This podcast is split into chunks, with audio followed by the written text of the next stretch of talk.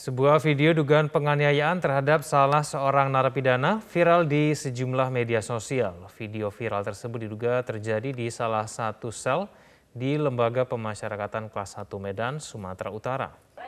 Dalam video yang beredar terlihat seorang narapidana yang tidak menggunakan baju kesakitan pada saat menunjukkan memar hampir di seluruh tubuhnya. Dalam keterangan video menyebutkan jika peristiwa tersebut terjadi di dalam sel lapas kelas 1 Medan. Kami dikereng sampai bertahun-tahun di sini masalah kecil aja. Diminta uang 30 juta, 40 juta baru bisa keluar. Menanggapi adanya video yang beredar dan viral di sejumlah media sosial tersebut, Kepala Lembaga Pemasyarakatan Kelas 1 Medan, RWD Supriyatno, membenarkan kejadian yang ada di dalam video. Video tersebut diambil di salah satu blok hunian sel oleh salah seorang napi. Sementara terkait dengan adanya pungutan uang sebesar 30 hingga 40 juta rupiah untuk dapat keluar dari dalam sel seperti yang dikatakan dalam video tersebut, Kalapas membantah dan mengatakan jika pihaknya tidak pernah meminta uang kepada napi mana pun yang saat ini tengah menjalani masa pidana di lapas kelas 1 Medan. Kalapas menambahkan selama ini dirinya selalu memberi arahan kepada seluruh pegawai untuk tidak melakukan kekerasan kepada napi untuk membuktikan apakah yang dikatakan dalam video tersebut benar atau tidak.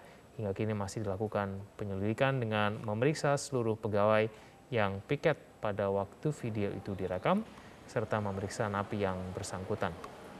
Dio, bagaimana hasil dari gelar perkara yang sudah dilakukan oleh kepolisian? Pemirsa dari hasil gelar perkara yang sudah dilakukan oleh pihak petugas kepolisian dari Polda Metro Jaya pada pagi tadi, tadi uh, sore sekitar uh, pukul 15 waktu Indonesia Barat, Kabit Humas Polda Metro Jaya didampingi dengan Direktur uh, Reserse Kriminal Umum Polda Metro Jaya baru saja melakukan rilis dan menetapkan tiga orang tersangka atas kasus kebakaran lapas kelas 1 Tangerang Banten yang terjadi pada 8 September lalu. Tiga orang di antaranya ini adalah merupakan pegawai ataupun petugas dari lapas kelas 1 Tangerang namun pihak uh, daripada Kabit Humas dan juga di Reskrimum Polda Metro Jaya enggan menyebutkan uh, jabatan dan juga uh, bertugas di sebagai apa di lapas tersebut.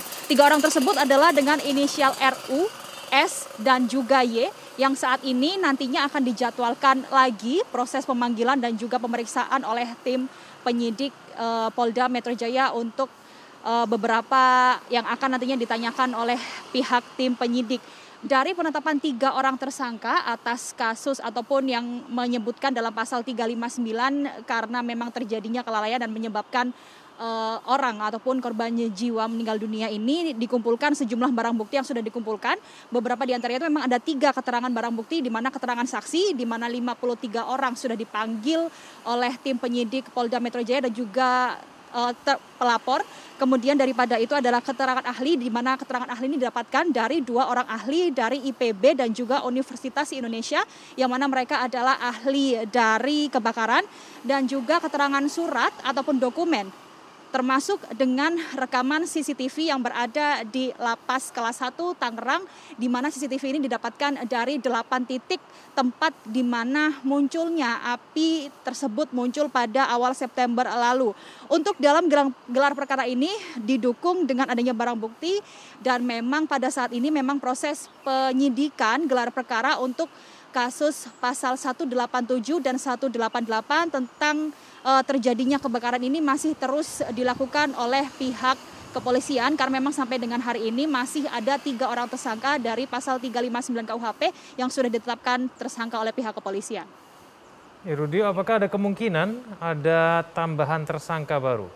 Ya Egan memang betul bahwa memang sampai dengan hari ini memang baru saja ada tiga orang tersangka dari uh, pegawai ataupun petugas lapas yang berjaga pada saat hari H terjadinya kebakaran yang mana tiga orang tersangka ini ditetapkan sebagai tersangka dengan melihat ataupun mengacu pada pasal 359 KUHP tentang kelalaian dan juga kealpaan yang menimbulkan korban jiwa meninggal dunia. Terkait dengan pasal 187 dan juga pasal 188 KUHP tentang penyebab kebakaran memang sampai saat ini beberapa barang bukti bukti juga masih terus dikumpulkan oleh petugas kepolisian, terlebih mendengarkan saksi daripada ahli dan juga melihat uh, dari beberapa keterangan bukti seperti keterangan saksi dan juga beberapa dokumen pendukung seperti CCTV dan masih belum juga disebutkan bahwa memang sampai kapan proses penyidikan dari pasal 187 dan 188 ini akan uh, disebutkan uh, tersangka barunya seperti itu. Raisa, bagaimana jalannya sidang terdakwa Robin Stefanus Patuju pada hari ini? Dan untuk uh, persidangan dengan terdakwa Stefanus Robin Patuju pada hari ini tadi baru saja selesai sekitar pukul 16 atau pukul 4 sore tadi dan tadi seperti disampaikan bahwa pada hari ini agendanya adalah pemeriksaan saksi.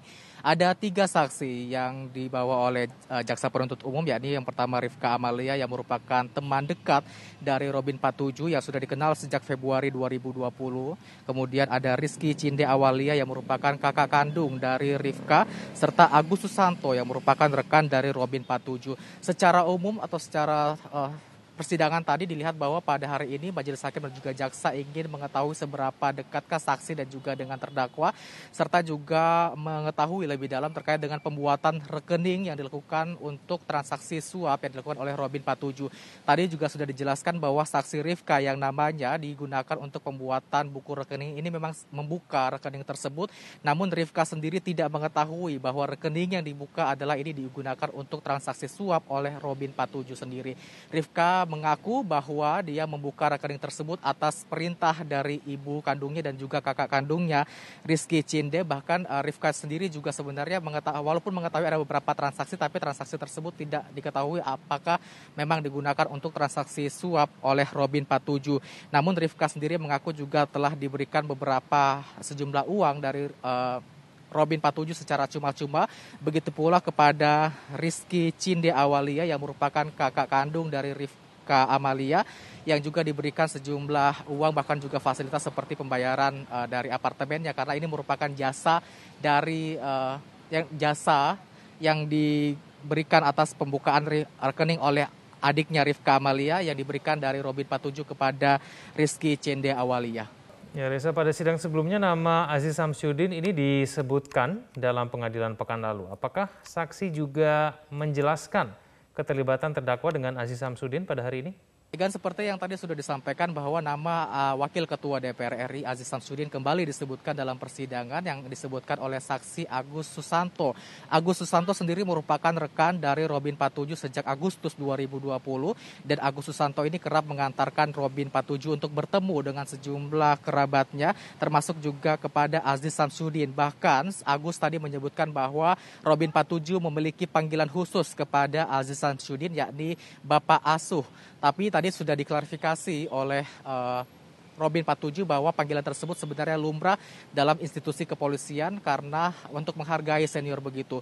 Dan juga tadi Agus menyebutkan bahwa telah mengantarkan Robin Patuju ke sejumlah uh, orang, termasuk juga Aziz Samsudin. Untuk ke Aziz Samsudin sendiri sudah pernah mengantarkan Robin lebih dari lima kali ke rumah dinas Aziz Samsudin di daerah Jakarta Selatan.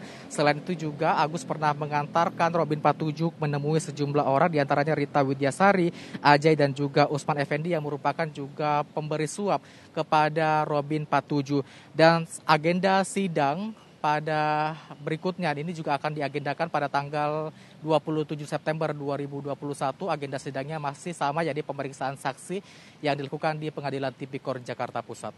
Jasad Dandi Saputra, remaja laki-laki yang merupakan kakak kandung dari MA, bocah perempuan yang juga menjadi korban kekerasan dugaan ritual pesugihan yang dilakukan oleh orang tua kandungnya akan diotopsi.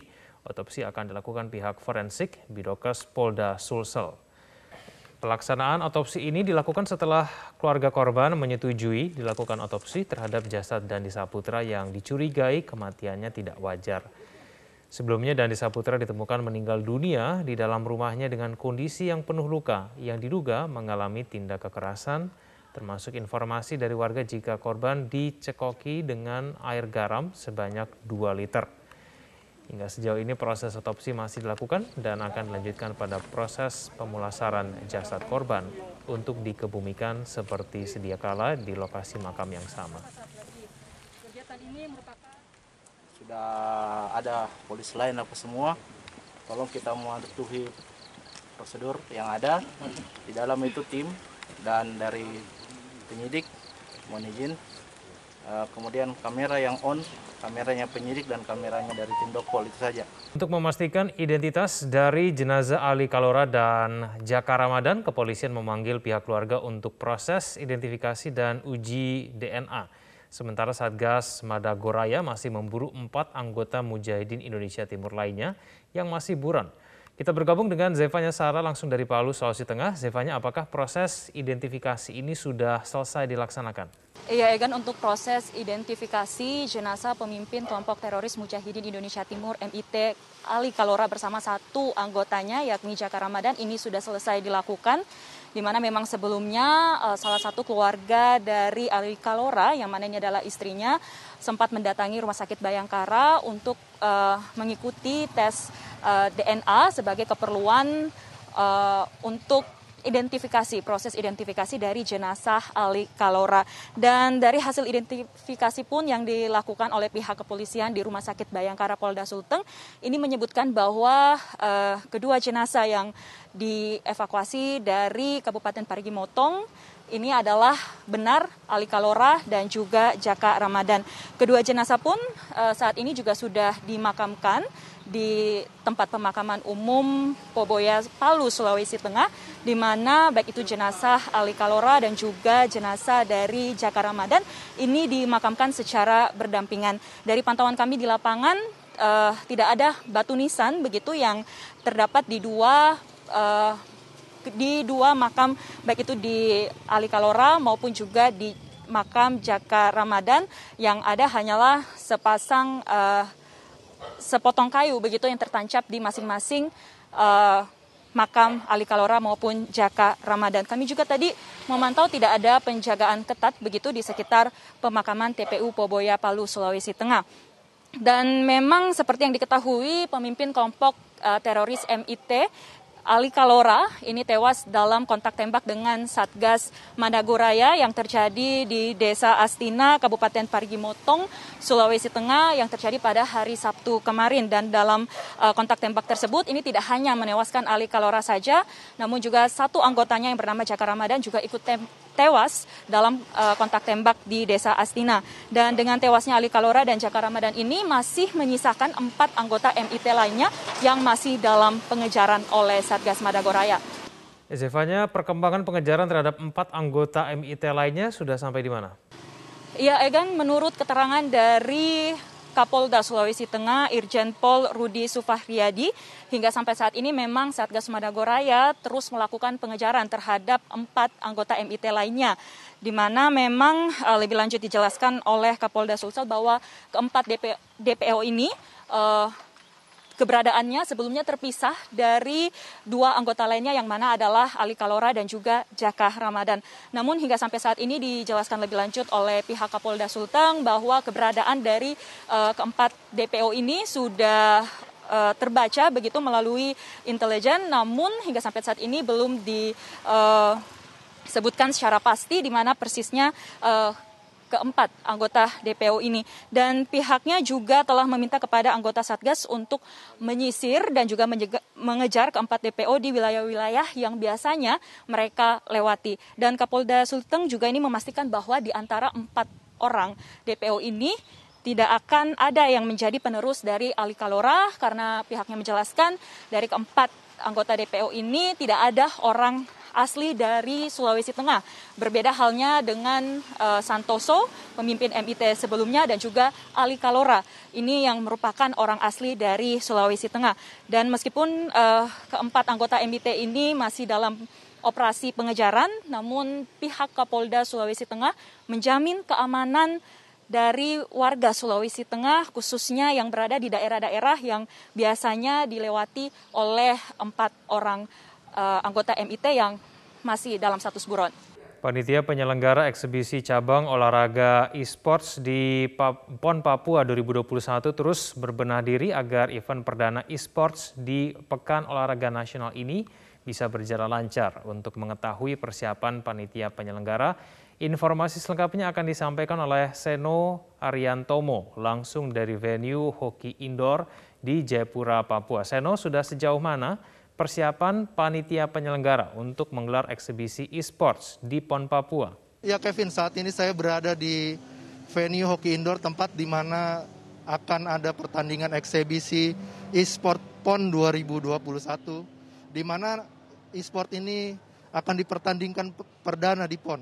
Saat ini di belakang saya seperti terlihat panitia penyelenggara sedang mengadakan geladi kotor untuk opening yang akan berlangsung pada 21 September mendatang. Nantinya event eksibisi e-sport ini akan berlangsung dari 21 hingga 26 September. Selain gladi kotor, panitia saat ini juga tengah fokus mempersiapkan kestabilan jaringan. Karena seperti diketahui, eksibisi e-sport PON ini adalah turnamen terbesar yang akan diselenggarakan di Papua. Pada umumnya turnamen e-sport selalu ada di Pulau Jawa dan ini menjadi tantangan tersendiri untuk panitia agar acara eksebisi e-sport ini berjalan dengan lancar. Untuk sistem jaringan dan sistem pertandingan, panitia juga menjamin akan berjalan baik saat nanti acara berlangsung. Nantinya akan ada 188 atlet yang akan bertanding di babak utama yang akan mempertandingkan empat empat cabur yaitu empat nomor maksud saya Mobile Legend, eFootball PES, PUBG Mobile dan game lokal Lokapala. Nasional pelaksanaan PON Papua 2021 ini akan berlangsung beberapa hari lagi. Bagaimana persiapan pengamanan di sana jelang pembukaan PON? Saat saya berjalan dari hotel menuju arena pertandingan e-sport ini di Kabupaten Jayapura aktivitas terlihat ramai, lalu lintas pun lancar, masyarakat beraktivitas seperti biasa. Dan ketua tim pengawas dan pengarah PB PON yaitu Maijen TNI Purnawirawan Dr. Suwarno saat bertemu kami memastikan acara PON yang akan berlangsung 2 Oktober hingga 15 Oktober akan berlangsung lancar. Dan berikut wawancara kami dengan Ketua Tim Panwasra. Pengamanan secara keseluruhan sudah disiapkan dalam bentuk operasi yang diatur oleh jajaran Polda Papua serta jajaran Kodam Cendrawasih. Saya sangat yakin kepada kemampuan dari dua institusi ini dan sekaligus bertanggung jawab kepada kita semuanya dalam pengamanan kegiatan PON. Yang saya lihat di lapangan, Bapak Bupati Kabupaten Jayapura, Bapak Wali Kota Kota Jayapura juga sudah melakukan beberapa upaya dengan bertemu dengan tokoh masyarakat, tokoh adat, dan lain sebagainya, agar masing-masing memberikan dukungan semaksimal mungkin dan menghimbau kepada masyarakat untuk sama-sama, ayo itu kita dukung masalah kegiatan PON itu sendiri.